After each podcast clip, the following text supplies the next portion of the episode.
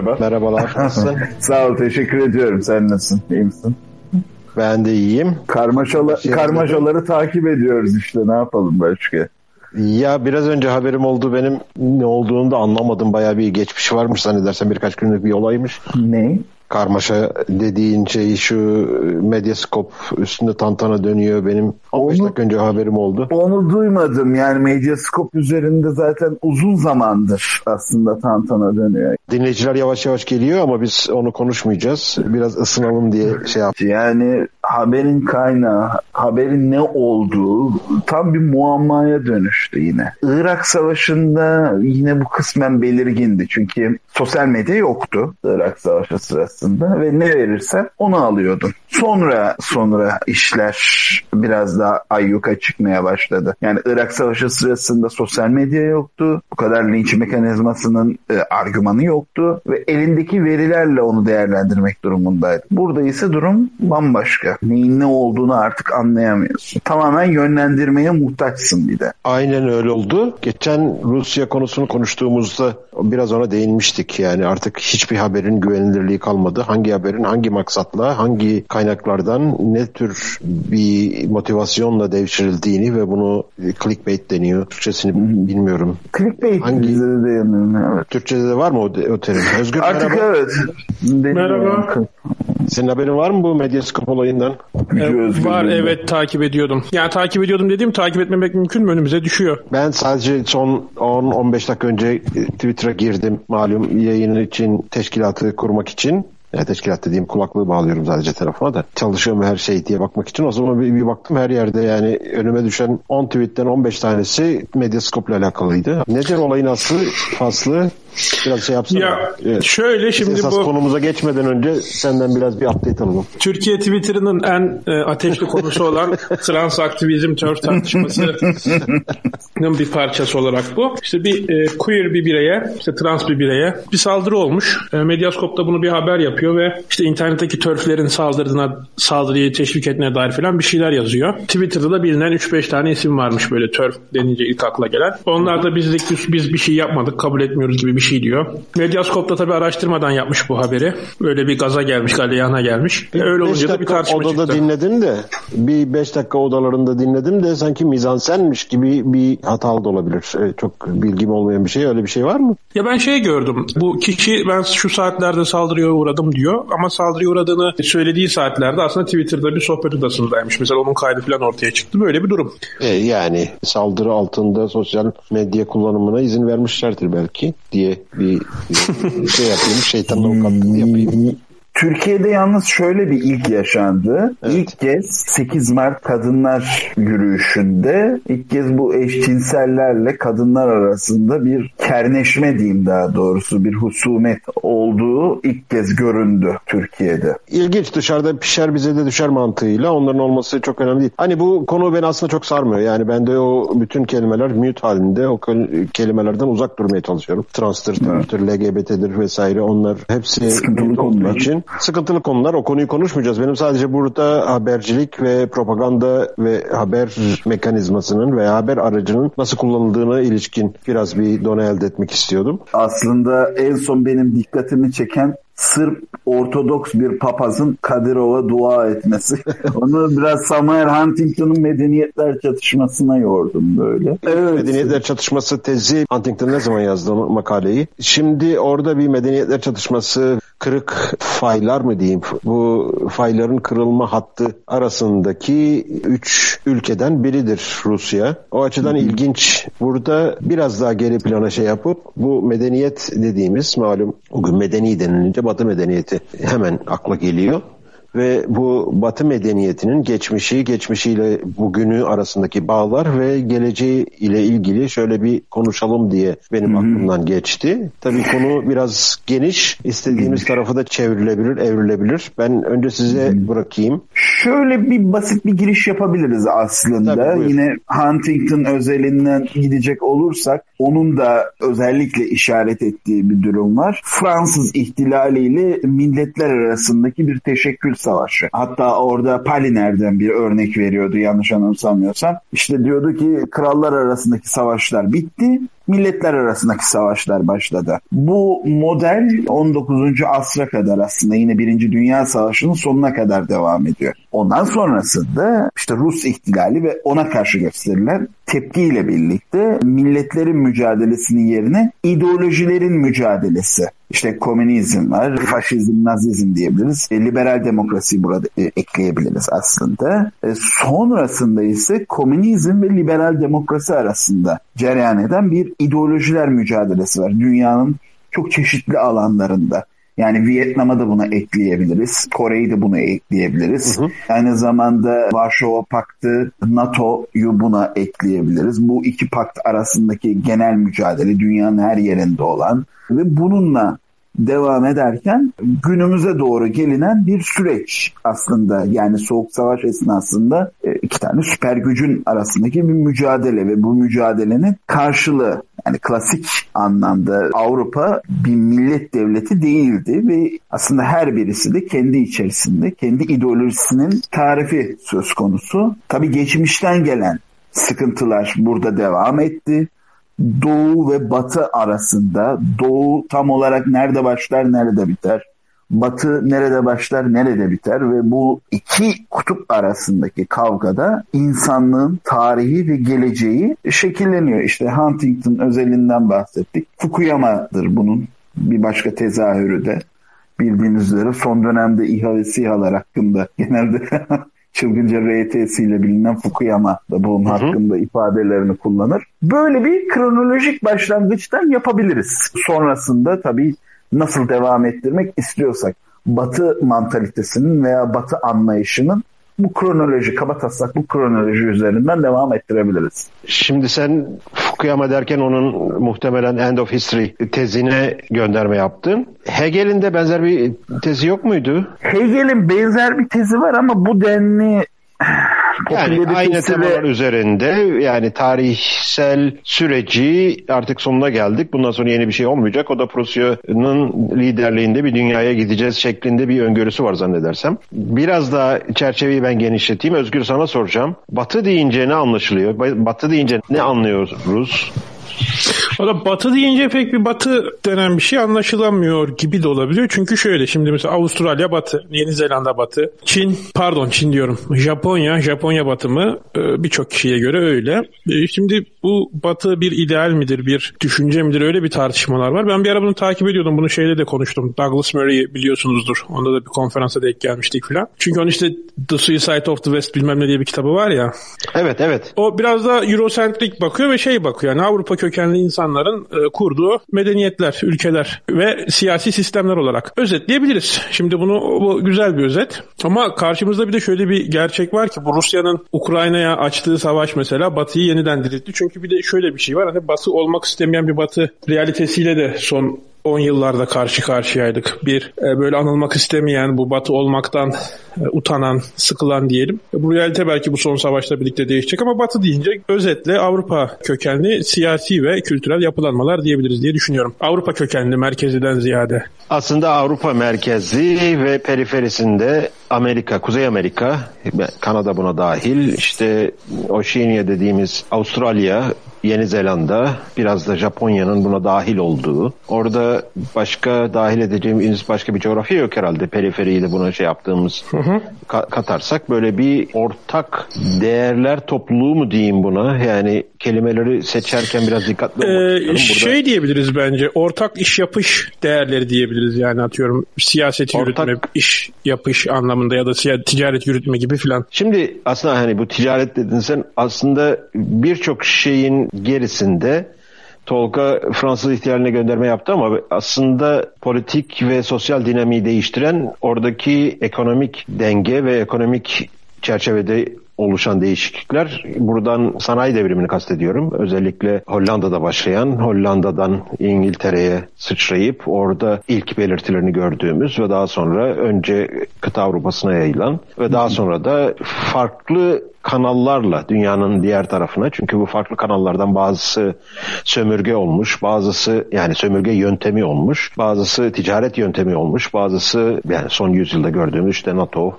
benzeri oluşumlar, alliance'lar veya uluslar üzeri, uluslar üstü kuruluşlar yoluyla olmuş ki Japonya'nın özellikle bu biraz önce çizdiğim coğrafyaya half-baked yarı yarıya katılması onun İkinci Dünya Savaşı'ndan sonra biraz daha batı değerler sistemine adapte ettirilmesi ile mümkün olmuş zannedersem ama burada sanayi devrimini temel alırsak veya sanayi devriminin bu değişimin veya en azından batı medeniyetinin diğer medeniyetlere nazaran daha farklı bir trajektörü, daha farklı bir gelişim göstermesinin arkasındaki nedenler önemli ve batıyı batı yapan değerler diyeyim. 19. yüzyılda batından anladığımızla bugünkü batı arasındaki farkı da anlatması açısından bunlar önemli. Hemen hemen genel sosyal bilimler literatüründe hem fikir olunan Batı medeniyetinin birkaç tane şeyi var. Yani üç bacaklı bir kaynağı var. Ee, bu bacaktan bir tanesi Yunan medeniyeti, bir tanesi Roma, diğeri de Hristiyan kültürü diyeyim. Ve bundan hatta e, şey yaparak gerek Yunan ve Roma'nın pagan kültüründen gelen erdemler ki McCloskey bunları şey olarak sayar. Prudence, temperance, justice ve courage. Bunları prudence ne olarak çeviriyoruz Türkçe'ye? İhtiyatlı olmak veya sağduyulu olmak. Temperance ölçülü olmak. Justice adalet. Courage da cesaret. Bu dört erdemi Hristiyanlığın inanç, umut ve hayırseverlikle birleştirdiğin zaman böyle bir yedi erdemli bir oluşumdan bahsedebiliriz belki o üç sac, sac ayağında. Ve bu da bize İngiliz aristokrasi, Yunan, şey, Fransız kral saraylarından burjuvaya doğru akan veya bir burjuva devrimine doğru giden bir yolu çiziyor ki esas İngiltere'nin de oluşan sanayi devrimi ve diğer daha önceki medeniyetlerde asla olmamış bir gelişim hızıyla ki orada biraz önce bahsettiğimiz Hegel'in işte o tarihin sonuna geldik bu da Prusya e, imparatorluğun altında olacak gibi tezlerine tamamen çürütür bir şekilde oluşmuş. Bu burjuva erdemi diyeyim veya bu burjuva kültürünün oluşturduğu bir zenginlik var. Bu zenginlik gerek demir yollarıyla, ulaşım teknolojisiyle, gerek sömürge yöntemiyle, gerek uluslararası alliance veya çeşitli anlaşmalar yöntemiyle dünyanın çeşitli yerlerine farklı metotlarla götürülüyor. Güney Afrika'dan altın için gittiklerinde oraya aynı zamanda kurumsallık götürüyor. Oraya kendisi için yani sömürenlerin ihtiyaçları için bir sağlık sistemi götürüyor, bir hijyen getiriyor. Bunun externality yani bunun dışsal efektleri var. Gittikleri yerlerdeki halkı da öyle ya da böyle daha önceki hayat tarzına nazaran değiştiriyor. Çünkü nereden baksanız bugün yani 250 sene öncesine göre çok fersah fersah çok farklı bir hayat, yaşam standartında bütün dünya. Buna en fakir yerleri de katıyorum. 250 sene önce yani bu sanayi devrimi olmadan önce herkes aşağı yukarı günlük 2 dolar 3 dolar civarında bir hayat standartına sahipti. Bu da bugün bir cappuccino fiyatı etmiyor Starbucks'ta. Yani günlük hayat standartınız bugünün standartlarında dünyanın en fakir yerlerinde bile bir cappuccino etmiyorsa Buradaki fark inanılmaz bir boyutta ve burada Batı medeniyetinin veya bu burjuva devriminin hakkını teslim etmemiz gerekiyor. Şunu fark ediyorum ben, belki biraz çok eskiden tuttum şeyi, geri plandan tuttum. Özellikle 20. yüzyılın ikinci yarısından itibaren bu Burjuva'nın yedi karakterisini, saydığım yedi karakterisini hepsini silip Burjuva eşittir greed, açgözlülük şeklinde bir değerlendirme çok sevildi. Yani bunun gerisinde belki Comte, belki Weber onların şey yaptığı bir sosyolojik bakış açısı var. Ama onun dışında bu elitler dediğimiz, administrative katman dediğimiz veya diğerlerine biraz daha yukarıdan bakan bir elit kesimin diğerlerini tamamen kullanılıp atılacak veya bunlar da bunlar bizim için sadece piyon olabilir tarzında bir bakış açısıyla getirdiği bir sistemin doğal sonucu olarak Burjuva sisteminin veya bu sanayi devriminin getirdiği zenginleşmenin veya en azından kapitalizmin sadece yedi büyük günahtan en büyüğü olarak sayabileceğimiz açgözlülükle açıklanabileceği ve buradan da bu sistemin tamamen yıkılması gerektiği üzerine özellikle o üç saç ayağının her birine bir darbe vurarak Batı'nın kendi değerlerini tamamen yıkması ki burada e, bu sanayi devriminin yanında ekonomik e, sanayi devrimi oluşurken orada oluşan ekonomik transformasyon kadar liberty, özgürlük, eşitlik gibi değerler de yan yana paralel bir şekilde gidiyor.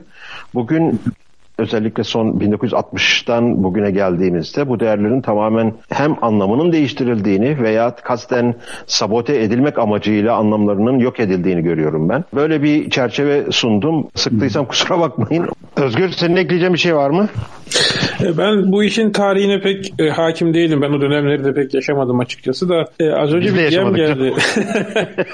ya sen de bizi sen de bizi ne yaptın ya?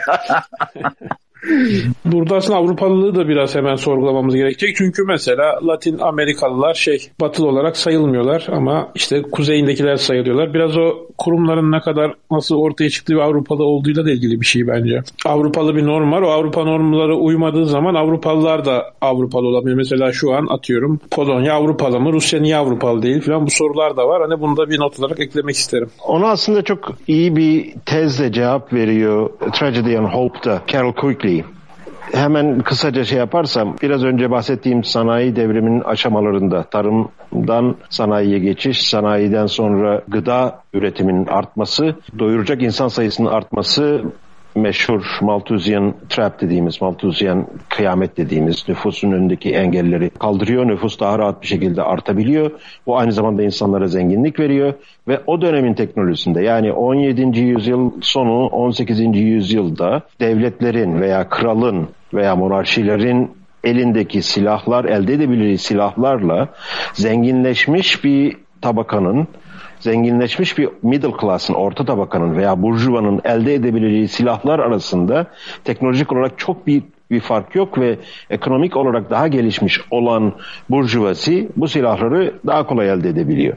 Dolayısıyla krallığın Magna Carta'dan itibaren devam eden bu politik trend paralelinde kralın diğerlerin özgürlüğüne çok fazla karışma gibi bir opsiyonu olmuyor özellikle sanayi devrimini ilk elden yaşamış bölgelerde ki bu burada en başta Hollanda ve İngiltere. Yani bunun Fransa'ya gelmesi yaklaşık 50-80 yıl sürüyor. Almanya'ya gelmesi 100 seneden fazla sürüyor.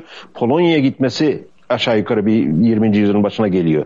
Ve bunun bütün diğer sömürge yerlerine gidilmesi veya sömürge savaşının özellikle 19. yüzyılın ikinci yarısı ve 20. yüzyıl başlarına denk gelmesi ve oraya bu tarımdaki devrim veya sanayideki devrim gitmeden önce ulaşım devrimi ve hijyen devrimi ve sağlık devrimi gitmesi hem oradaki popülasyonu arttırıyor bu sanayi devrimi açısından veya ucuz iş gücü açısından önemli bir done. Diğer yandan da bu artan nüfus fakir olduğu için çünkü bunları besleyecek food production, e, yiyecek üretimi yok ve aynı zamanda ekonomik güç yok. Dolayısıyla bunlar krala karşı veya kendilerini sömürecek, organize şiddete karşı kendilerini savunabilecek e, tekniklerden uzak oldukları için de aynı özgürlükler, aynı özgürlüğe bağlı değerler sistemi bu coğrafyalarda fırsat bulamıyor. Bu bana mantıklı geliyor. Carol Quigley'nin bu tarz bir açıklaması. Yani sonradan ekonomik faktörleri de ele alarak özgürlük gibi politik anlamda insanların rahat yaşamasına çok önemli katkısı olan değerlerin farklı coğrafyalarda neden zayıf, neden güç, nasıl güçlü olduğuna dair ciddi bir tez ki 20. yüzyılda artık o sanayi devriminin nimetlerine ulaşmış olan yerlerde ki Türkiye'de buna dahil artık devletlerin ulaşabileceği silah teknolojisiyle insanların, bireylerin elde edebileceği silah, silah teknolojisi arasında dağlar kadar fark var. Yani kimse artık bugün bireysel bu devletlerin e, organize şiddetin elindeki silahlara rekabet edebilecek derecede kendini güçlendirebilecek durumda olmadığı için bugün bu tarz yerlerde sonradan ki hala daha tarım devriminin ulaşmadığı yerler var. Bunu konuşmuştuk daha önce zannedersem. Özgür senin de geçen seneki podcastlerden bir tanesinde. Buralarda bu yani özgürlük gibi şeylerin oluşması daha zor hale geliyor ki öyle bir yere geldik artık Batı bile bugün artık özgürlüğün bekçiliğini veya özgürlüğün savunusunu yapmıyor. Esas problem orada zannedersem. Oraya getirmek istiyorum tartışmayı. Evet bugüne doğru gelirsek e, ben biraz daha fazla şey söyleyebileceğim. Ya bana saat kaç? Her, hep söylüyorum. Bana saat kaç diye sorduğun zaman ben saatin tarihinden başlarım. Bugüne getirdim zannedersem sen oradan devam et. Yani bir de oradan devam etmeden önce şöyle de bir şey söyleyelim. Fay kırıklarının daha doğrusu toplumsal anlamda o çıkışların olduğu noktaları da çok iyi galiba belirtmemiz gerekiyor. Bence burada hemen bugünlere bu özgürlük meselesini ben önemsiyorum. Çünkü mesela hukukun en temel e, şeyi, değeri, yani en temel birkaç değerinden birisi şeydir. Retrospektif yasa çıkmaz mesela. Türkçesi bunun makabline şamil deniyordu şu an modern Türkçesinde bilmiyorum. Yani bu şu demek. Siz bir yasa yapıyorsunuz. Diyorsunuz ki işte şunu şunu şunu yapmak suçtur. Ama onu onu onu o işi neyse bir gün önce yapan insanları suçlayamazsınız. Yani hukukun en temel değerlerinden birisi budur. Mesela Kanada'da bu son şeylerde işte kamyoncu protestolarında protestoculara bağış yapmak suç değilken yani öyle bir yasa yönetmelik hiçbir şey yokken böyle 20-30 dolar bağışlamış yaşlı bir teyzenin hesabına el konmuştu. Şimdi insanlar şey diyorlar. İşte dünyanın her yerinde böyle şeyler olurken niye Kanada'dan çok bahsediliyor falan o dönemlerde işte o kamyoncu protestolarda. Bunun bir sebebi var çünkü Rusya'da zaten böyle şeyler olur bir şekilde. Ne bileyim Orta Doğu'da olur. Bunlar mesele değil ama şimdi bu Kanada'da olmaya başladığı zaman orada bir durup düşünmek gerekiyor. Şimdi ben bunu aslında şeye bağlıyorum biraz. Şimdi bu Batı dünyası dediğimiz işte refahıyla, demokrasisiyle, özgürlüğüyle bilinen, işte değerleriyle vesairesiyle bilinen dünyada bir refah vardı ve bir görece bir huzur vardı görece bir sorunsuzluk vardı. Böyle olduğu zaman işler iyiyken, hava güneşliyken özgürlükçü olmak, demokrat olmak, liberal olmak vesaire olmak e, rahattı. Ama artık o nokta geçildi. Şimdi o noktada o değerler sarsılmaya başladı. Şimdi bu yine son zamanki savaşlarla ilgili şey deniyor işte Batılıların sahip çıkamadığı değerlere Ukrayna sahip çıkıyor diyor. Biraz aşırı bir yorum olur. Ben ona katılmam ama e, çünkü orada da öyle çok demokrasi aşığı falan kimse yok aslında ama şöyle bir şey oldu. Bir anda bir sallandılar ve sarsıldılar diyebiliriz. Şimdi burada ama şöyle bir farklı bir mesele de oldu. Bu kurumlar aracılığıyla, o institutionlar aracılığıyla bu sadece devlet kurumları falan değil. Bunun üniversitesi var, sivil toplumu var vesairesi var. Böyle bir şeye girildi.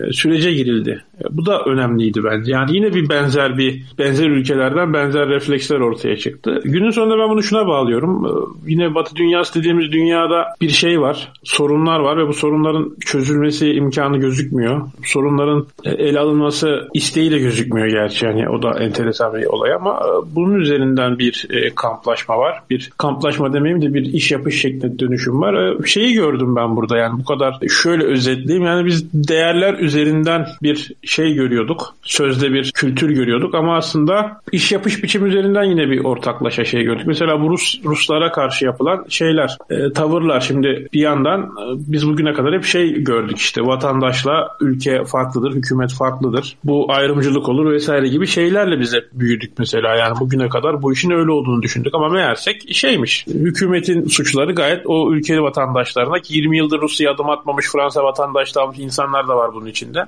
Böyle bir iş yapış biçimi de ortasına geldik. Yani bu değerler, değer üzerinden, değerler ortak noktasından oluşan bir çerçevede yokmuş diye görülüyor diye düşünüyorum artık. Yani değer kısmını biraz şey yapabiliriz. Yani hepsi değerlerin aynı zamanda değiştiriyorsa o da iş yapış biçim olarak e, göz gözüküyor. Onu eklemek isterim. Benim de burada hemen ekleyeceğim bir şey var. Senin verdiğin örnek çok iyi. Benim notlarım arasında da vardı. Onu gündeme getirecektim zaten. Bugün Batı'nın kendini Batı yapan veya kendine en azından medeni yapan değerlere tamamen sırtını dönmesi veya tamamen bunları satması, tamamen bunlara aykırı hareket etmesinde.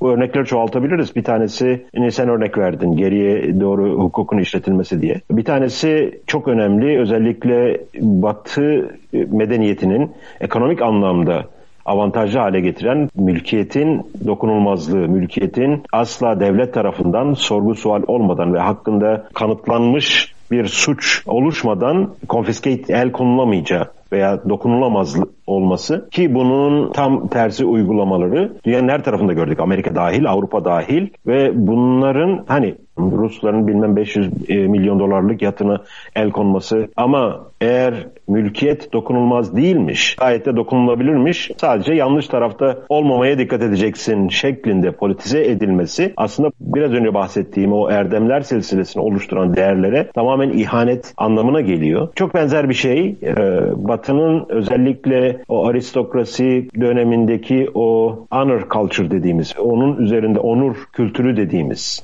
sorunları düello yöntemiyle çözme bakışından Burjuva devrimi, ben onu sanayi ve politik devrimi birleştirerek öyle diyorum. Burjuva devriminde bir dignity, Türkçesi tam aklıma gelmedi.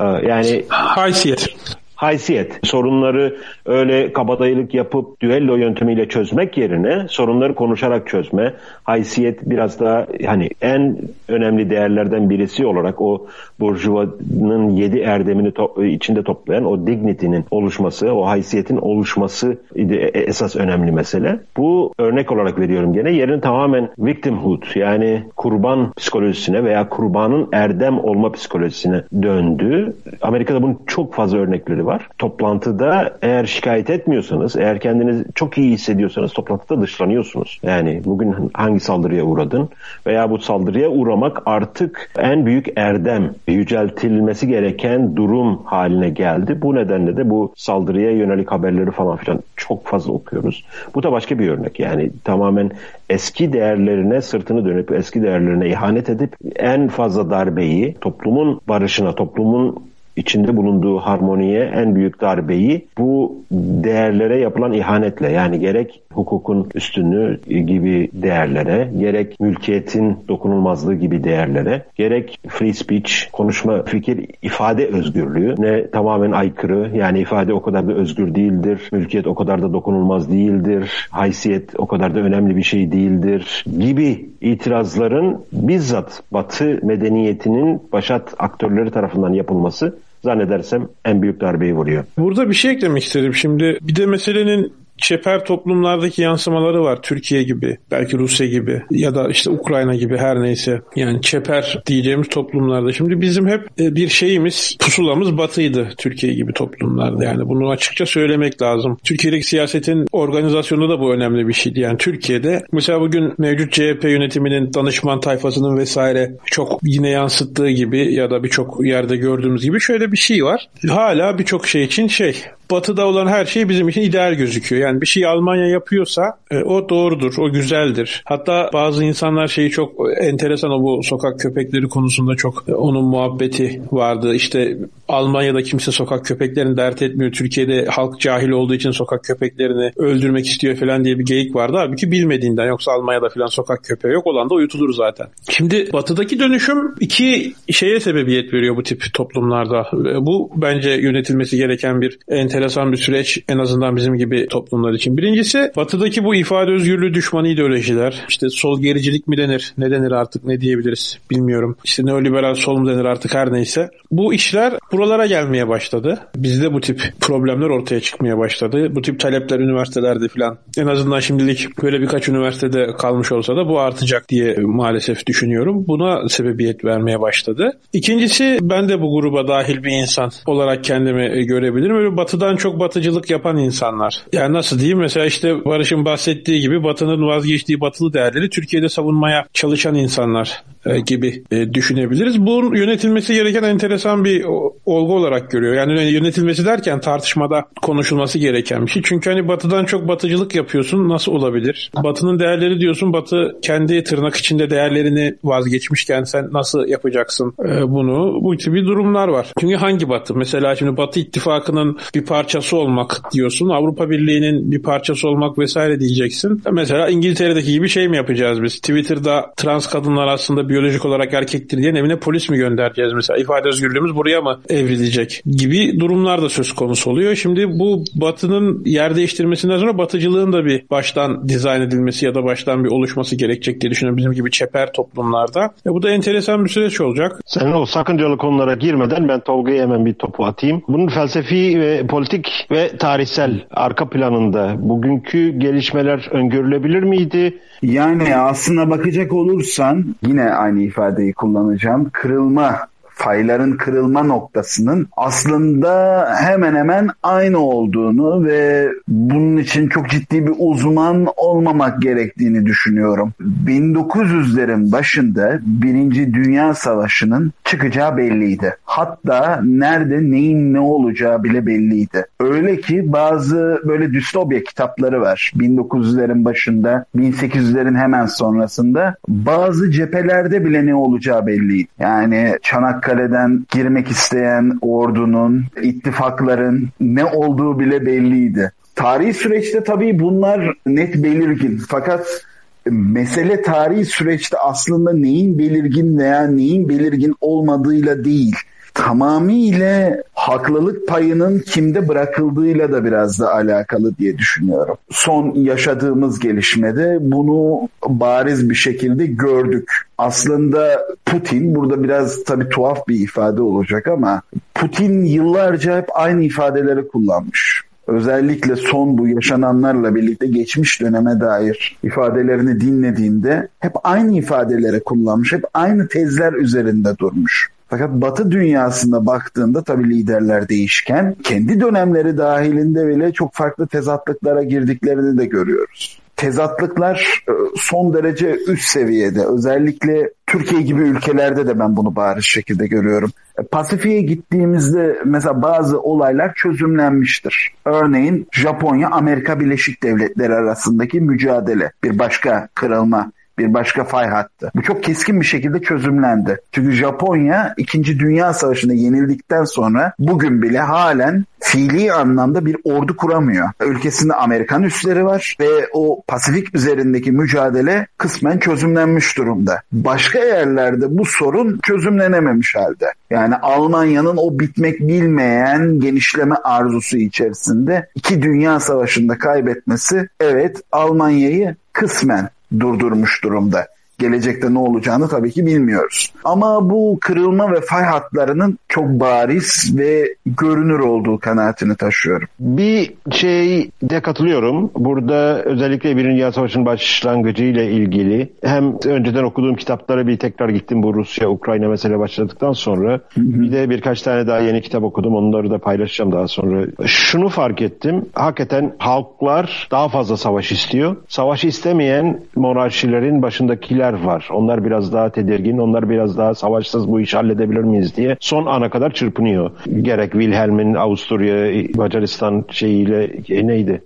İsmi aklıma gelmedi.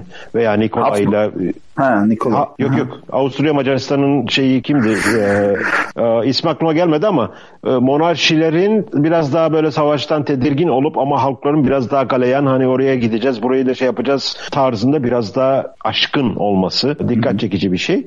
Diğeri de Batı'nın kendi içindeki yozlaşmanın diyeyim çevre ve periferiye orlara yansıması ve özellikle Türkiye gibi tam gelişmesini tamamlamamış, yarı gelişmiş emerging ekonomilere yansıması. Farklı sorunları da birbirinden getiriyor. Bir tanesi Batı'nın kendi içinde, kendi yozlaşmasının getirdiği sorunların kaynağı Türkiye gibi toplumlarda veya Ukrayna gibi toplumlarda veya Rusya gibi toplumlarda yok. Buraya doğrudan böyle bir sorunu veya meseleyi ithal ettiğinizde Hacivat Karagöz oyunu gibi bir şey çıkıyor ortaya. Evet. Hani çoğu Latin bazlı dilde olan erkek dişi şeylerini, zamirlerinin Türkiye'de de aynı kavganın yapılması gibi böyle çok böyle garip garip e, enstantaneler oluşuyor. Bu biraz hani o merkezde yaşananın periferiye yansıması olarak alabiliriz bunu.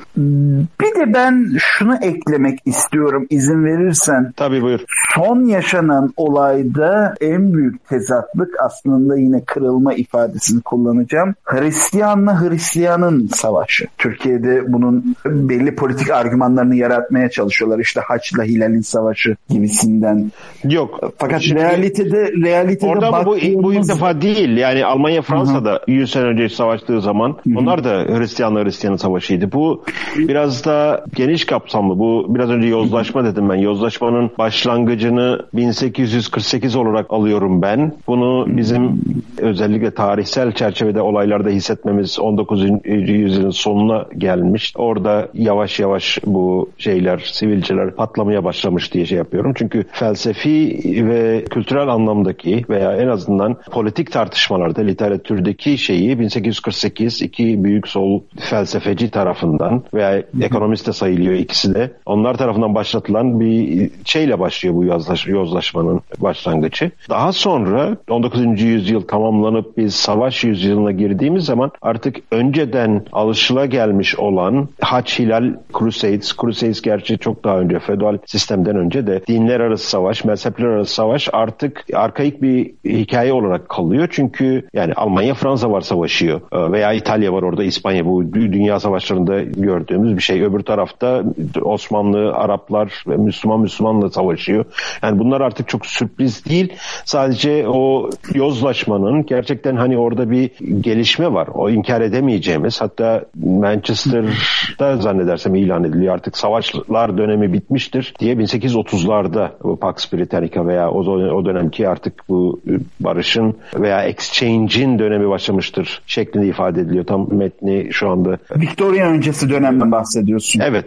Evet Hı-hı. o zaman artık savaşlar dönemi bitmiştir diye ve bu o dönemde batıyı batı yapan değerlerin gerçekten insanları nasıl değiştirdiğini veya insanları nasıl daha iyiye doğru daha en azından sosyal birliktelik, toplumsal barış veya ülkeler arasındaki barışa da katkısını nasıl sağladığı anlamında önemli. Ama 20. yüzyılın başından itibaren bu yozlaşma sürekli olarak devam ettiği için hani son dönemde yani bu Rusya Ukrayna üzerinden Hristiyan Hristiyan şey yapması artık din çok da önemli bir faktör değil. Yani Kanada veya Amerika ile İrlanda arasında sırf o Irish, Protestan, Katolik şeyi bugün ne kadar önemli ki? Bu din artık eski şeyini, eski anlamını hani Nietzsche'nin şeyiyle artık Tanrı öldü yani başka şeyler insanların savaşması için bahane oluyor diyeyim. Senin bir tezin vardı ya hani silaha erişme. Ben o ifaden sonrasında Jack Levin'in bir hesaplama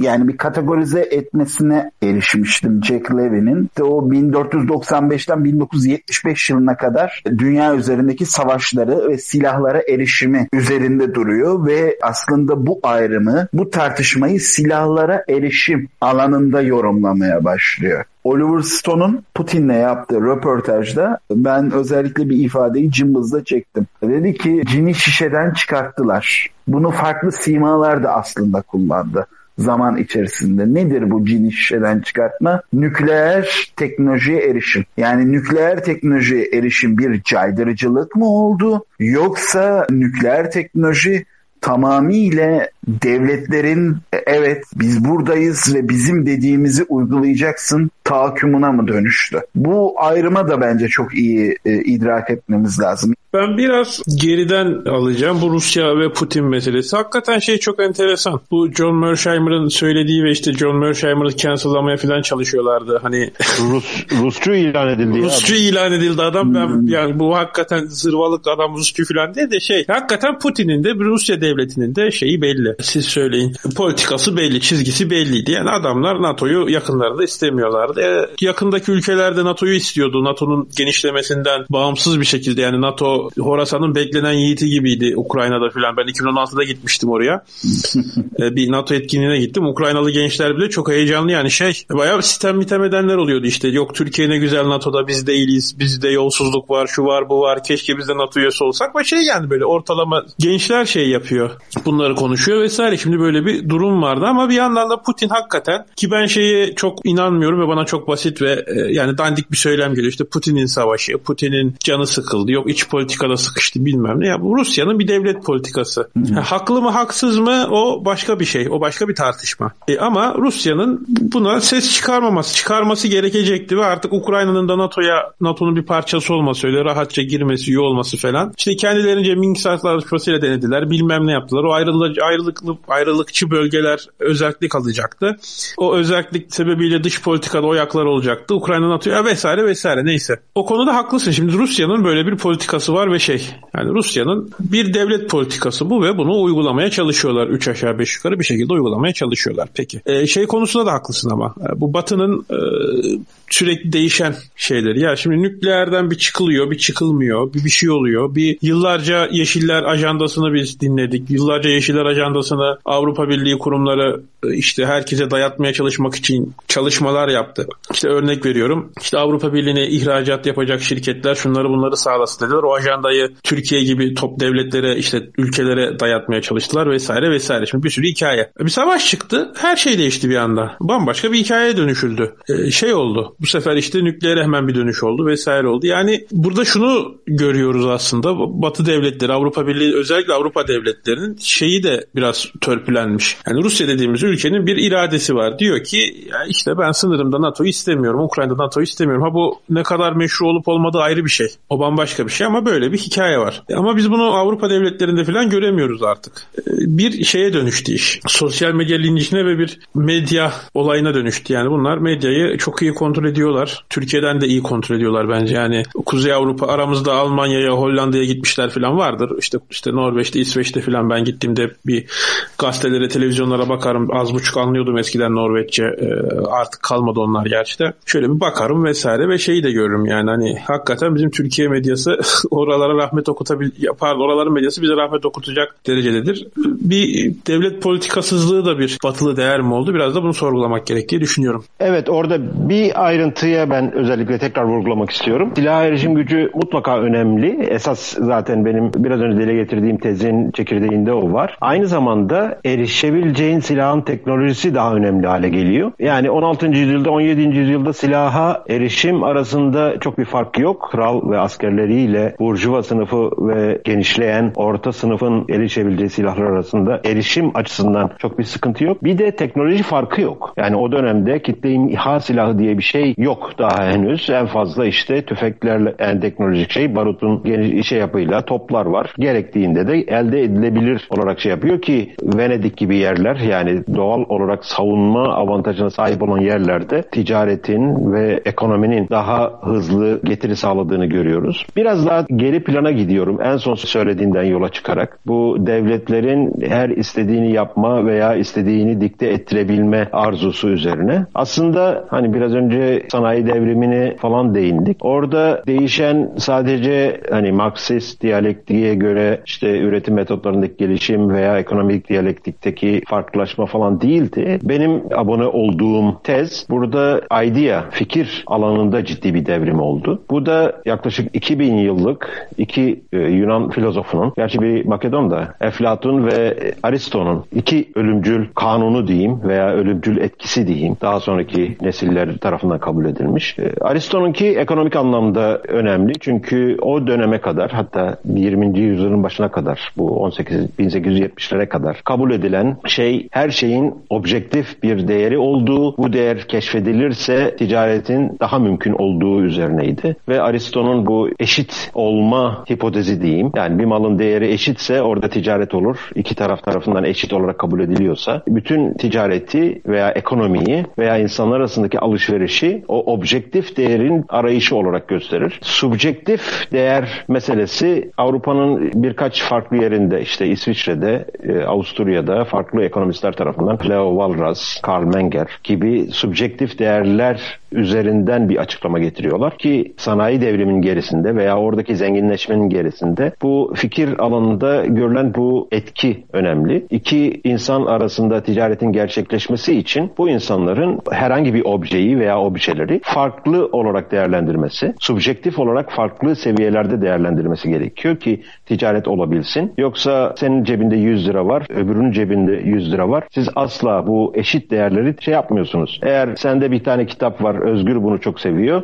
Özgür'de de bir kitap var, sen onu çok sev sen onu daha çok seviyorsun. İkinizin arasında bu kitapları değiş tokuş yapmak için bir fırsat doğmuş oluyor ve bu değiş tokuş yaptığınız anda Özgür de daha iyi duruma geliyor çünkü daha çok istediği bir kitabı elde etmiş oluyor. Sen de daha iyi duruma geliyorsun. Daha çok istediğin kitabı elde etmiş oluyorsun. Ki bütün ticaretin gerisinde bu eşit olmama, eşitsizlik prensibi diyorum ben buna. Bu prensip üzerinden ticaretin geliştiği anlaşıldığı zaman ki teorik olarak anlaşılması bunun 19. yüzyılın ikinci yarısıdır. Pratikte bu daha erken anlaşılmıştır. Özellikle Venedik'te, özellikle Hollanda'nın liman kentlerinde e, ticaretin gelişmesi açısından. Diğer ölümcül hata Eflatun'un devlet teorisi ki Eflatun biliyorsunuz felsefe alanında biz bugün en temel metin olarak herkese ilk başta okutulan şeylerden bir, bir tanesidir ama her konuda yazmıştır. Yani aile konusunda yazmıştır, erdemler konusunda yazmıştır vesaire vesaire. Ama esas yazdığı şey bu Philosopher Kings dediğimiz veya ekonomiyi veya devlet yönetimini veya ekonomi yönetimini aynen bir inşaatçının ev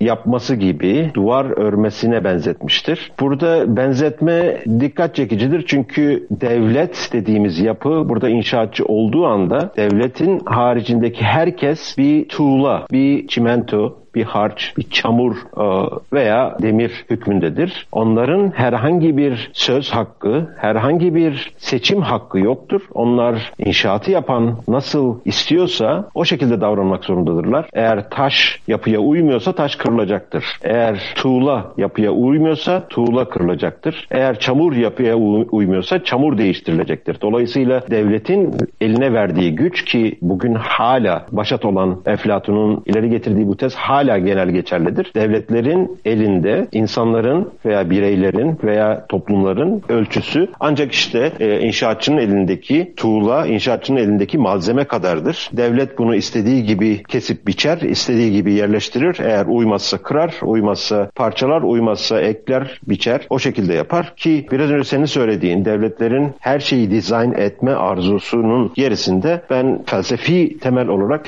Eflatun'dan destek buluyorum. Eğer çok uzatmadıysak tartışmaya devam edebiliriz. Bunun özellikle 20. yüzyılda şekillenmesi de ilginç bir konu. Peki ben yüzyılda... ikinize bir soru soracağım aslında evet. ama burada tartışmayı da biraz kendi ifadelerimizi sorgulama noktasına getirmek istiyorum. Şimdi batılı değerler diye bahsettik ama şu eleştiriyi getiremez miyiz? Yani kolonyalizm ya da postkolonyalizm diye tabir ettiğimiz kavramların içerisinde de bu aydınlanmacı iradenin kendi içerisindeki tezatlıklar yok mu aslında? Yani bu değerler ne ölçüde halen bir değer olarak kabul edilebilir? Veya Şimdi... hangisi revize edilebilir, hangisi devam ettirilebilir? Şimdi hemen e, ilk aklıma gelen cevabı vereyim. Bu kolonyalizm savunusu olarak anlaşılmasın ama tarihi perspektiften baktığımızda şöyle bir durum var. Deminden beri bahsettiğimiz sanayi devrimi bu Hollanda ve İngiltere'de başlamış. Daha sonra 100 yıl sonra Avrupa'nın çeşitli yerlerine sıçramış. Bu devrime kadar, bu fikir devrimine kadar devletlerin veya halkların önünde birkaç tane opsiyon var. Bir tanesi kısıtlı alandan kendilerine yiyecek üretecekler, kendi geçimlerini sağlayacaklar sağlayacaklar ve büyük oranda herkes kendi ürettiğini yiyor. Bunun dışında ticaret çok az bir miktar, çok az bir nüfusun uğraş aracı ve halklar veya milletler veya topluluklar aç kaldıkları zaman ki bunu ta eski Mısır'a kadar da götürebiliriz. Bunların e, şeyinde birkaç tane opsiyon var. Bir tanesi ya nüfusun bir kısmı hastalıktan, savaştan veya başka nedenlerle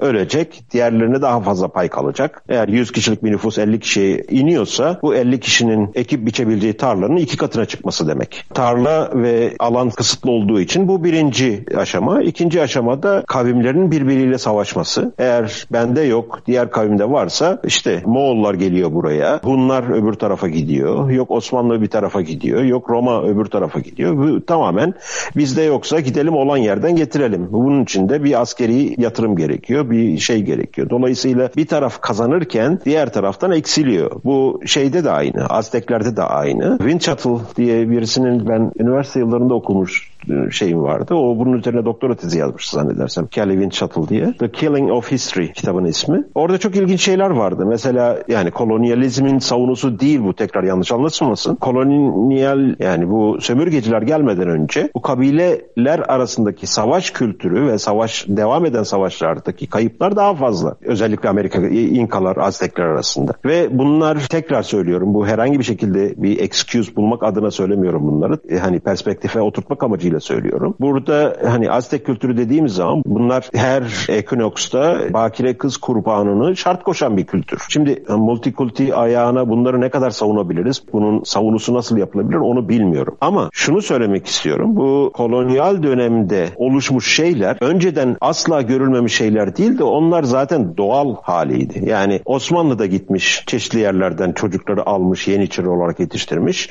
Bunu Bizans'ta yapmış, bunu Mısır'da yapmış, bunu ne ne bileyim işte Aztekler de yapmış. Bu zaten olan bir şeydi. İşin teknolojisi değişti kolonyal dönemde. Yani var olan şeyde bu yeni bir yani daha önce hiç görülmemiş bir şey değildi bu. Millet aç kaldığı zaman gidip başka bir yerden saldırıp oradan e, aldığı ganimetlerle geçiniyordu. Ve bu zero sum dediğimiz yani birinin kazancı diğerinin kaybına tekabül eden bir oluşum. Fikir devriminden kastım benim. Burada aslında pozitif sum olan yani özgür ve senin kitapları değişerek aslında ikinizin de daha iyi duruma gelebileceği bir pozisyonun ortaya çıkması ve bunun evrenselleşmesi diyeyim veya bütün dünyaya yayılması aşağı yukarı bir 100-200 sene oluyor. Burada yani kolonyallerin gerisinde ki orada da özellikle 20. yüzyıldaki vahşetin gerisinde ekonomik motiflerden daha fazla biraz önce bahsettiğim devletin her şeye hükmetme ve her yeri kontrol altına alma, her şeyi kontrol altına alma ve bu güçte doymak bilmeyen, durmak bilmeyen bir iştahın sonucunda oluşmuş vahşettir ki e, bütün kolony kolonyal dönemde yani 16. 17. 18. 19. yüzyıldaki bütün bu şeylerde 20. yüzyılın ilk yarısı ve ikinci yarısında öldürülen sivil insan sayısının onda biri kadar veya en azından dünya nüfusuna oranlasanız bile bu kadar vahşet yaşanmamıştır. Şimdi bunu tarihi perspektifte olayları yerli yerine oturtmak için söylüyorum. Yoksa hani aa kolonistler de ne güzel yapmışlar, e, sömürmüşler anlamında söylemiyorum. Bu işin bir doğası gereği gerçekleşen bir şey vardı. İkincisi gerek fikirlerin değişmesi, gerek insanların günlük 2 dolardan bugün Türkiye'de 10 bin dolara kadar yükselmiş bir gelirden bahsediyoruz. Gün yıllık 10 bin dolara nereden baksan 3 işte günlük 30 dolar mı? 15 kat yükselmiş bir gelirden bahsediyoruz. Ve dünyanın her tarafına ulaş, ulaşmış bir zenginlikten bahsediyoruz. Köleliğin kaldırılması ilk defa gündeme gelmiş dünyanın her tarafında. Çünkü sanki hani kolonyal dönemle başlamış bir kurum değil kölelik. Kölelik tarihi ta Mısır'da eski Mısır'dan itibaren var ve dolayısıyla bu şeylerin düzelmesi için eskiden var olan vahşi yöntemlerin yanına ek olarak çok daha pozitif bir gelişme. Yani bu nereden bakarsanız bakın bu sanayi devriminin etkileri gittiği yerlere sömürge yoluyla da gitse, anlaşma yoluyla da gitse, farklı ekonomik rant kaygısıyla da gitse en azından bir buzdolabı, bir çamaşır makinesi, bir sağlık, aşı hizmeti, hijyen, el yıkama yani bütün bunları yanında götürüyor. Çoğu yerde özellikle Asya'nın ve Afrika'nın en fakir yerlerinde bunlar hijyeni, temizliği, sağlığı biraz da bu gelen sömürgeciler sayesinde öğrendiler. Çok harş mı oldu? Yok hayır çok harç olmadı. Ben ne demek istediğini anladım. Aslında şöyle söyleyeyim ortalama bir dinleyen şöyle de anlayabilir ama ters açı bunu demedi. Yani kolonyalizm iyidir demedi onu söyleyeyim. Bir kez daha altını çizeyim de. En az üç ee, sefer söyledim amacım o. Evet. yani evet. Daha önceden yapılmamış bir şey yapmadılar. Daha önceden de vardı o vahşet. Onun yanında pozitif şeyleri de vardı bu dönemin diyeyim. Öyle olmak zorunda mıydı? Değildi. Evet. Ee, bir daha özetler misin soruyu oradan ben devam edeyim. Şimdi şöyle dedik batılı değerler içerisinde kendi içinde tezatlıklar yok mu? İşte kolonyalizm ya da postkolonyalizm ifadesi çerçevesinde baktığımızda. Şimdi hemen bu postkolonyalizm hikayesine ben bir şey eklemek istiyorum. O aslında batının üstünlükçülüğünü yeniden gösterdiği yani kendine üstünlük atfetmesini yeniden gösterdiği bir şey. Çünkü Barış'ın söylediği çok doğru. Yani e, sen benden de iyi biliyorsun. Gücü olan bu işleri yapmış insanlık tarihinde. Yani bu, bu, bu böyle olmuş yani. Bu işin şeyi bu. Hoşumuza gider gitmez o başka bir tartışma ama bu işler böyle yapılmış hep. Gücü olan diğerini sömürmüş, köleleştirmiş. İşte ki e, işte Amerika'da kölelere biraz daha farklı davranılmış. Osmanlı'daki Afrikalı köleler nerede bugün? Çoğu işte hadım ediliyor vesaire bir sürü hikaye. E, ama daha sonra demişler ki yani bunun altında yatan psikolojinin ya da psikosiyasi hikayenin ben şu olduğunu düşünüyorum. Yani bize bu yakışmadı.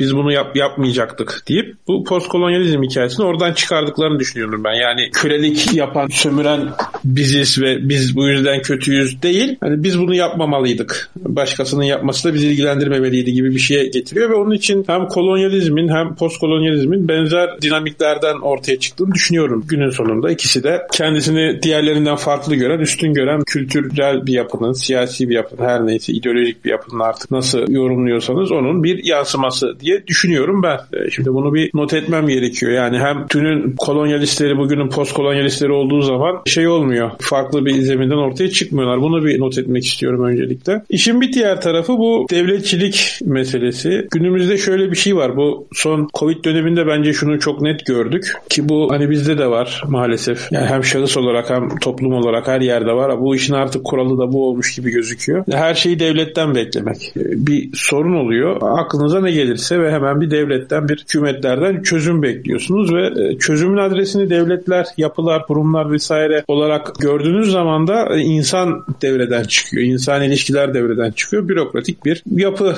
ya da bürokratik bir tartışma ortaya çıkıyor ve bu Covid döneminde biz şunu gördük. E, şunu söyleyecektim aslında. Sanki devletler her sorunun çözüm adresi ve çözmesi çözmekle güç, güçlü, güvenli yani çözebileceğine inanılan yapılar olarak görüldüğü için bir sorun olduğu zaman hemen nerede bu devlet? Yani geçen bizim sitede asansör bozulmuş yani sitede asansör bozulmuş. Bir tane adam diyor ki bu nasıl devlet bilmem ne diye küfür ediyordu kenarda. Niye? Çünkü şey hani yani sitede asansör bozulmuş. iki saat sonra da tamirciler gelecek. Hani site sahipsiz de değil çok şükür ama adamın ilk aklına gelen devlet oluyor. Niye devlet buna bir çözüm bulmuyor diye devlet ona nasıl çözüm bulsun ne alakası var diyemiyor kendince. Ve bu çok normalleştirildi ve bu belki de Batı'nın ortak değerlerinden birisi haline geldi.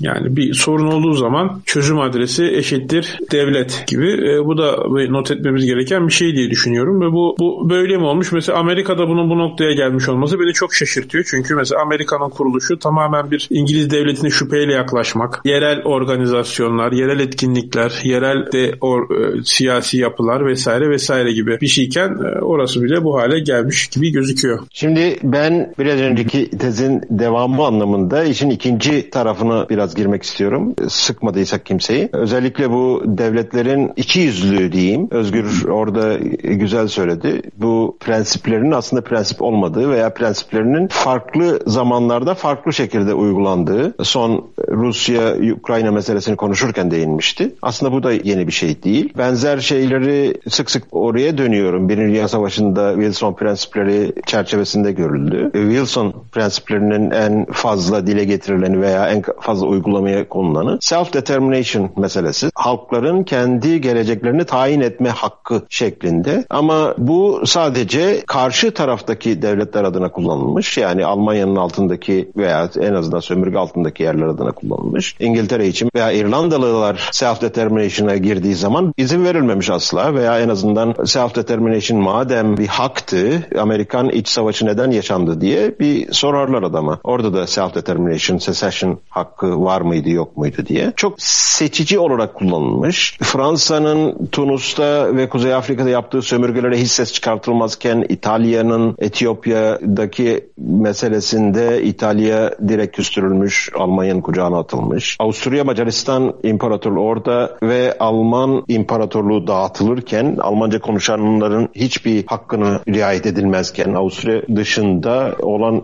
Avusturyalılar ilk imparatorluğun yaklaşık üçte birine düşmüş Birinci Dünya Savaşı'nın sonucunda. Ee, ben hemen burada bir şey ekleyebilir miyim bu Ukraynalı konusuyla ilgili? Evet. Ee, bu Ukraynalı göçmenleri işte bunlar Avrupalı falan diye ele alınması falan. İlk başta bu bir ayrımcılık falan gibi gözüküyor ama onun altında yatan şöyle bir sebep var. Bu toplu göçlerle birlikte Avrupa'ya özellikle Orta Doğu'dan işte Afganistan'dan Pakistan'dan her neyse gelen ciddi sorunlar yaşanmaya başladı mahalli olarak, yerel olarak. Ve insanların refugee kelimesine karşı Türkiye'de de öyle mesela Türkiye'de de bir mülteci kelimesi bazı insanlar hakaret olarak falan kullanıyor. Yani bir arkadaş ortamında mesela. İşte eskiden birbirine işte hayvan ismi takan insanlar bir mülteci falan demeye başladı neyse. Böyle bir algı oluştu orada da. E, bunun bence kabul edilebilir sebepleri de var yani. Burada politik doğrucu olmaya gerek yok. Bir şeyler yaşanmış bir sıkıntılar var. Birçok özellikle yerel sıkıntılar var. İnsanların sorun yaşadığı falan filan. E şimdi böyle olunca orada da bir hikaye inşa etmeye çalışmalar lazım. Çünkü şey geliyor. Ciddi bir mülteci akını bekleniyor Ukrayna'da. Hani bunu da şöyle insanları bir şekilde ikna edecekler buna. Şey diyecekler işte bunlar da bizim gibi Avrupalı. Bunlar da bizden. Bak bunlar diğerleri gibi değil. Şimdi bu ilk başta gerçekten kulağa çirkin gelen bir şey olsa da maalesef bunun böyle bir pratik bir sebebi de var. Bunu da not etmek zorundayız diye düşünüyorum.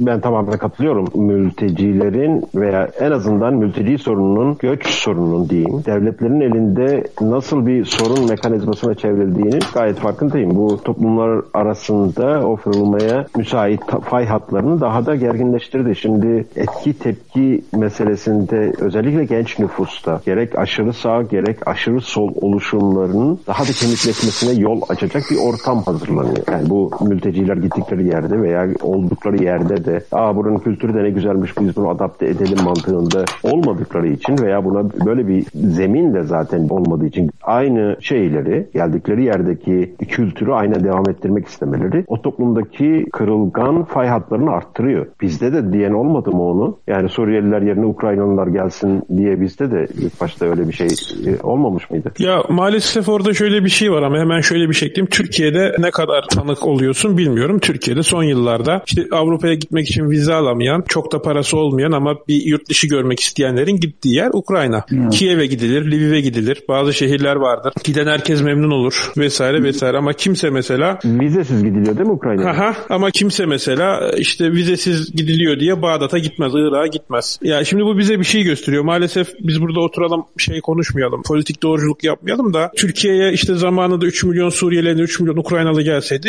elbette çok daha farklı olurdu mesele. Yani çok daha farklı bir göç deneyim olurdu. Hem Türkiye'dekiler için hem göçmenler için hem işte atıyorum sağlık sistemine, eğitim sistemine olan yük için vesaire vesaire. Yani ben şey eleştirmem.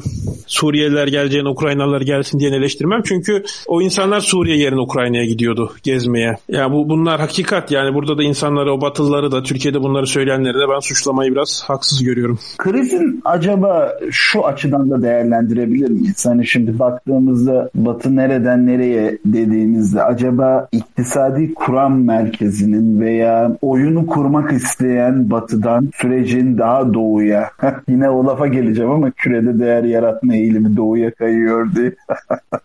Bu da krizin aktörlerinden biri olabilir mi? Biraz daha geniş çerçevede bakmak lazım ona. Benim görebildiğim hmm. şu. Biraz önce bahsettiğim 1848'deki Komünist Manifesto, arkasından gelen Das Kapital ve Karl Marx'la John Stuart Mill'in yazdığı alternatif bir sosyalizm e, kurgusu bugün yaşanan problemlerde etkin rol oynamış. Öncelikle belki biraz daha öncesine Hegel'e gitmek gerekiyor. Hegel'i bir sağ taraftan anlamışlar, bir sol taraftan anlamışlar. Sağ taraftan anlayanlar Nazi olmuş, sol taraftan anlayanlar komünist olmuş. İkisi de nereye vardığı 100 sene sonra, 150 sene sonra ortaya çıktı. Ama diğer yandan özellikle bu Frankfurt'ta, Almanya'da eğitim görüp Amerika'ya geri dönüp biz bu toplumu yeniden dizayn ederiz. Hatta Engels'in Marx'ın cenazesinde veya hemen arkasından yaptığı bir ya konuşma veya yazdığı bir onun obituary'sinde yazdığı Darwin organik maddelerde nasıl bir devrim yaptıysa Marx da sosyal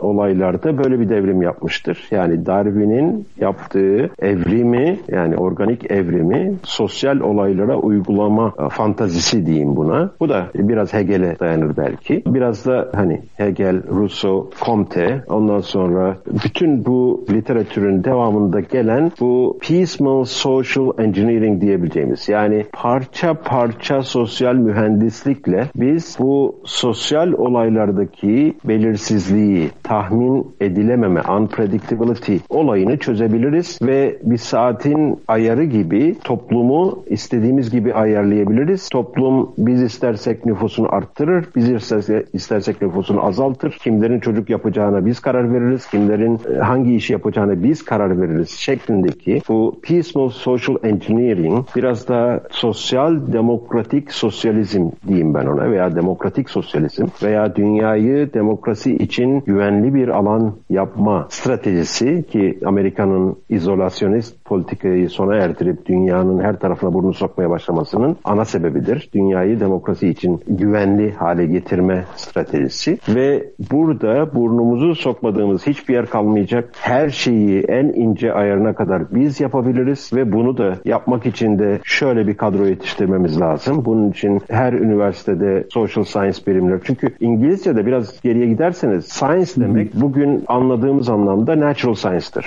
Yani bugün anladığımız anlamda social science'ların hiçbirisi İngilizce'de aslında science'in alanına girmez. Science education dediğin zaman verilecek e, şey bellidir. Eğitim bellidir. Dolayısıyla bu sosyolojiden şeye e, politik international relations bütün bunların kürsülerinin kurulması, bunların bir ordu gibi beslenip propaganda haline gelmesi işte o 19. yüzyılın sonunda başlıyor. Bunun en büyük stratejistlerinden bir tanesi Gramsci'dir. Her zaman tekrar ederim. Belki hı hı, evet. ayrı bir kayıt yapsak biraz onu tartışsak gündemden çok kopuk olabilir ama bugüne ışık tutması açısından çok önemli biridir. Hı hı. Bunun kademe kademe önce üniversite kürsülerinden daha sonra basından, medyadan bu işin tasarlanacağı ve bu işin kurulacağını öngörmüş, bunun stratejisini yazmış bir kişidir. Ve bugün de bütün bu dizayn edilen şemanın, dizayn edilen skimin birebir gerçekleştiğini, an be an gerçekleştiğini görüyoruz. Hatta o kadar böyle ilginç durumlar var ki mesela bu sosyal devlet meselesine Marx karşı çıkmıştır. Yani sosyal güvenlik meselesine karşı çıkmıştır. Marx karşı çıkmıştır. Dikkatinizi çekerim. Veya hı hı. şeyleri aşağılamıştır. Union neydi? Sendikacılığı aşağılamıştır. Sendikacılığı. Sendikacılığı aşağılamıştır. Siz manyak mısınız? Hı hı. Bunlar yani şeyin diye. Yani Marx'ı bile mezarından kaldırtacak derecede bunlar sosyal dizayn, sosyal mühendislik şeyiyle öyle bir hani sosyal darwinizm diyebileceğimiz biz bu işi doğaya bırakmayız. Doğa bu işi kör gözle yapıyor. Biz bunu bilimle yapacağız. The science yani o bilimsellikten ayrı bir şey. Biz bunu bilimin verdiği şeyle. Çünkü Comte'nin meşhur şeyidir. Ölçemiyorsan bilimsel değildir der. Bilimsellik kriteri budur. Ve bunun anlamda demokrasiyi götürmek herhalde o götürülen yerdeki insani hasarın artacağına ilişkin bir prediction gibi geliyor bana. Herhangi bir şekilde bugün batı dediğimiz batı eğer bir yere demokrasi gö- götürmeye karar verdiyse o baya bir tehlike çanlarının çalması demek. Yanılıyor muyum burada bilmiyorum. Çok uzattık. Toparlayalım mı? Onu toparlayalım evet. Sabırları da taşırmayalım. Son sözü kim yani, söyleyecek? Şöyle söyleyeyim ben Batı'nın nereye gittiğini açıkçası tam olarak bilmiyorum. Sınırı neresidir bilmiyorum Batı'nın da. İşte belki İstanbul'dan San Francisco'ya kadar bir çizgi çekebiliriz. Bu da bence tam anlamıyla bir kıyas olmaz. Ama ben artık neyin nasıl olacağına dair tamamıyla bir bilinmeze gidildiğine dair bir endişem söz konusu. Şaşkınlıkla takip ediyorum yaşananları ve artık benim bilgi hafızalam ve öğrendiklerim yetmiyor. Öğrendiklerim yetmediği gibi ısrarla da üzerinde durduğum kavramların değişmesi ve kavramların kendince yorumlanması tamamen dejenerasyon e, ve tamamen irasyonel yöntemlerle işte Putin Hitler kıyasını yapalım. İşte gelenler sarışındı aslında kıyasını yapalım. Tamamen artık ben ne diyeceğimi tam olarak bilemiyorum ve nasıl yaklaşacağımı da bilemiyorum. Eleştirel yöntemle yaklaştığında anında cancellanma ihtimalim var ve bundan dolayı son derece rahatsızım. Rus kedisini yasaklamakla veya Rus hardalını yasaklamakla sonuca ulaşılamayacağı kanaatini taşıyorum. Bu tarz tepkiler milliyetçiliği ya da radikalizmi körükler. Orada bir şey ekleyeyim. Hem biraz önce sorduğun ama benim cevapsız bıraktığımı hissettiğim bir soruya da cevap olsun öyle toparlayayım. Hı hı. Ekonomi merkezi doğuya mı kayıyor şeklinde bir soruydu. Sen sık sık dile getiriyorsun onu. Ee, bunu bugünkü tartışmanın ekseninde batıyı batı yapan değerlerin tamamen artık terk edilmesi ve bizzat batı tarafından ön ayak olunarak terk edilmesi bizi nereye götürür sorusu ve bunun sonucunda batı çökecek onun yerine başka bir merkeze doğru mu kayacak? Şimdi birincisi e, o başta dördü pagan, üçü Hristiyan kaynaklardan gelen ve üç saca ayağından oluşmuş bir burjuva kültüründen bahsettim. Burjuva erdeminden bahsettim. Ve dignity olarak bunu özetledim. Bu kültür ögeleri batı kabul ettiği için değil, bizatihi insan doğasına daha uygun olduğu için, insan doğasının daha insani, daha barışçıl, daha özgür bir hayata sürüklenmesini sağladığı için önemli bu ögeler. Batının değerleri olduğu için değil, insani oldukları için önemli. Batı bunları terk ederse yozlaşmanın önüne geçemeyecektir ki geçemedi de 100 işte 150 son 200 200'e yakın yılda önceden ilk safhası yavaş ama 20. yüzyılın başından itibaren kanlı ve hızlı bir şekilde devam eden dejenerasyon ve yozlaşmayı ben buna bağlıyorum. Bunun sonucunda ne olur? Ekonomik eksen başka bir yere mi kayar? Hı. Çok kayması ile ilgili ekonomik bir kanun yok. Çünkü oluşturul oluşturulmuş zenginliğin hırpalanması ve yok edilmesi daha az zaman sürüyor. İspanyollar 15. yüzyıl mı? 16. 16. yüzyılda battılar altından. 15. E, yüzyılda dünyanın hakimiydiler ve esas sömürgeyi onlar yapmıştı. Eğer sömürge birilerini kurtaracak olsaydı İspanyolları kurtarırdı. Ama en büyük hata onlar yaptılar. Yani sömürge sayesinde zengin olman veya tersinden söyleyeyim çünkü mantıksal olarak ters olacak. Sadece sömürge ile zengin olunamayacağı ve dünyaya hükmedilemeyeceğine dair ciddi bir örnektir İspanya 15. 16. yüzyıl İspanyası. Buna benzer bir şekilde bugünkü ulaştığımız medeniyetin de çökmesi çok uzun zaman almaz. Bunun sonucunda illa başka bir yerin süper güç olup çok büyük bir zenginlikle biz hayatımızı devam ettirebilir miyiz? Öyle bir ekonomik kanun da yok. Tekrar fakirlik dünyanın her tarafında mümkün. O enerji konusunda da işledik bunu. İşte dönümünden 300 kat daha fazla alabileceğiniz enerjileri yok edip bunu 0.6 wattlık bir enerjiye dönüyorsanız ki dünyanın Avrupa'nın ve Amerika'nın ciddi enerji üretiminde bu var. Kendinizi fakirleşmeye doğru itiyorsunuz demektir. Bunu Batı da yapsa, Doğu da yapsa zenginlik getirmeyecektir. Var olan değerlerin hırpalanması, yozlaşması olarak karşımıza çıkacaktır. Hemen çıkar mı bilmiyorum ama illa süper gücün veya bu ekonomik zenginliğin devam edeceğine dair bir şart yok. Sefalet ve açlığa da gidebilir, evrilir dünya. Eğer bu batıyı batı yapan o değerlere tamamen sırtını dönerse insanlık. Öyle tamamlayayım. Özgür son sözü sana verelim. Ee, ben bir şeyi eklemek istiyorum. Ee, burada benim için bir önem verdiğim bir konu aslında bu. Şimdi bu ekonomik gidişat doğuya kayıyor, batıya kayıyor vesaire meselesinde benim dikkatimi çeken bir husus var. Bence belki bunu sonraki konularda bir oturumda konuşalım. Barış'ın da ilgi alanına ya mesleki olarak da giriyor falan neyse. Şey bırakıldı dünyada. Bu biz Erdoğan'a kızıyoruz Merkez Bankası ile uğraşıyor diye de bu küresel bir şey. Akım. Dünyada hükümetler, devletler ekonomi politikasını falan bıraktılar. Merkez bankaları para basıyor. Faiz indiriyor, faiz kaldırıyor, bilmem ne yapıyor. Bu kadar şey olmaması gerektiği düşünüyorum bir yandan da bu işin. Hani siz nasıl söylesem. Yani başka türlü bir politikalar da üretilebilmeli sanki. Bu tembellik de sıkıntılı diye düşünüyorum. Belki bu konuyu konuşabiliriz sonra diyeyim ve bitireyim. Acaba senin girdiğin coin olabilir mi?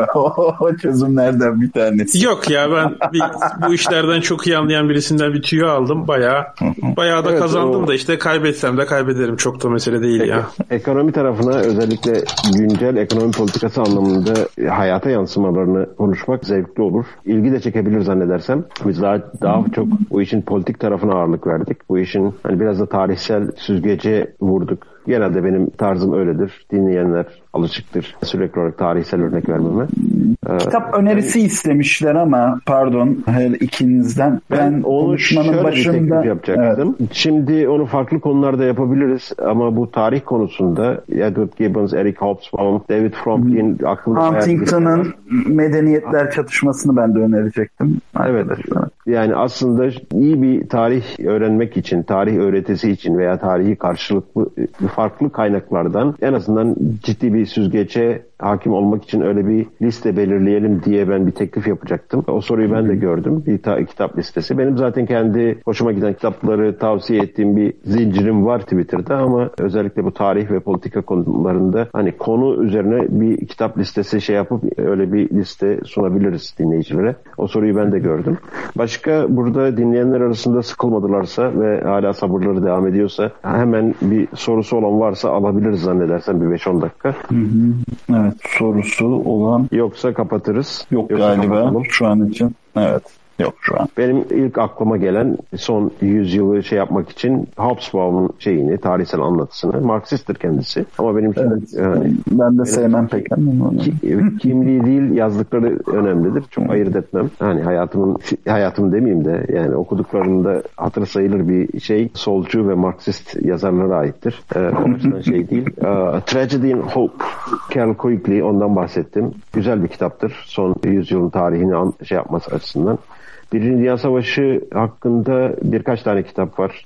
David Fromkin. Niall Ferguson'ın Hazin Savaş. Evet. David Fromkin, Patrick Buchanan, Hitler, e, e, Churchill, Hitler and the Churchill. Unnecessary War. Şu anda ilk aklıma gelenler onlar ama daha böyle bir kapsamlı bir liste hatta biraz daha geriye gidip Roma tarihinden alsak hani o 12 Sezar'dan başlayıp öyle bir Hı-hı. tarih anlatısı yapsak belki daha da dinleyenlerin hoşuna gidebilir. Başka sorusu olan varsa alabiliriz. Yoksa herkese sabırları için teşekkür edeyim. Bu kaydı alıp tekrar podcast'te yayınlamak biraz uzun sürecek çünkü bayağı bir uzattık. Biraz bunu kesip biçeceğiz. Ondan sonra yayına veririz diye düşünüyorum. Başka benim unuttuğum eklemek istediğiniz bir şey var mı? Aslında eklenmesi gereken çok şey var ama zamanımız buna Yok o ekonomi Ee, tarafını ayrıca konuşacağız. Çok teşekkür ederim ikinize de. Dinleyenlere de çok teşekkür ederim. Tekrar bir dahaki tartışmada, bir dahaki yayında birlikte olmak umuduyla diyeyim. Herkese iyi gece. Gece mi orada? Saat kaç orada? Evet. Gece, Gece. evet. İyi geceler. İyi geceler filan iyi pazarlar. İyi geceler herkese. Bay bay.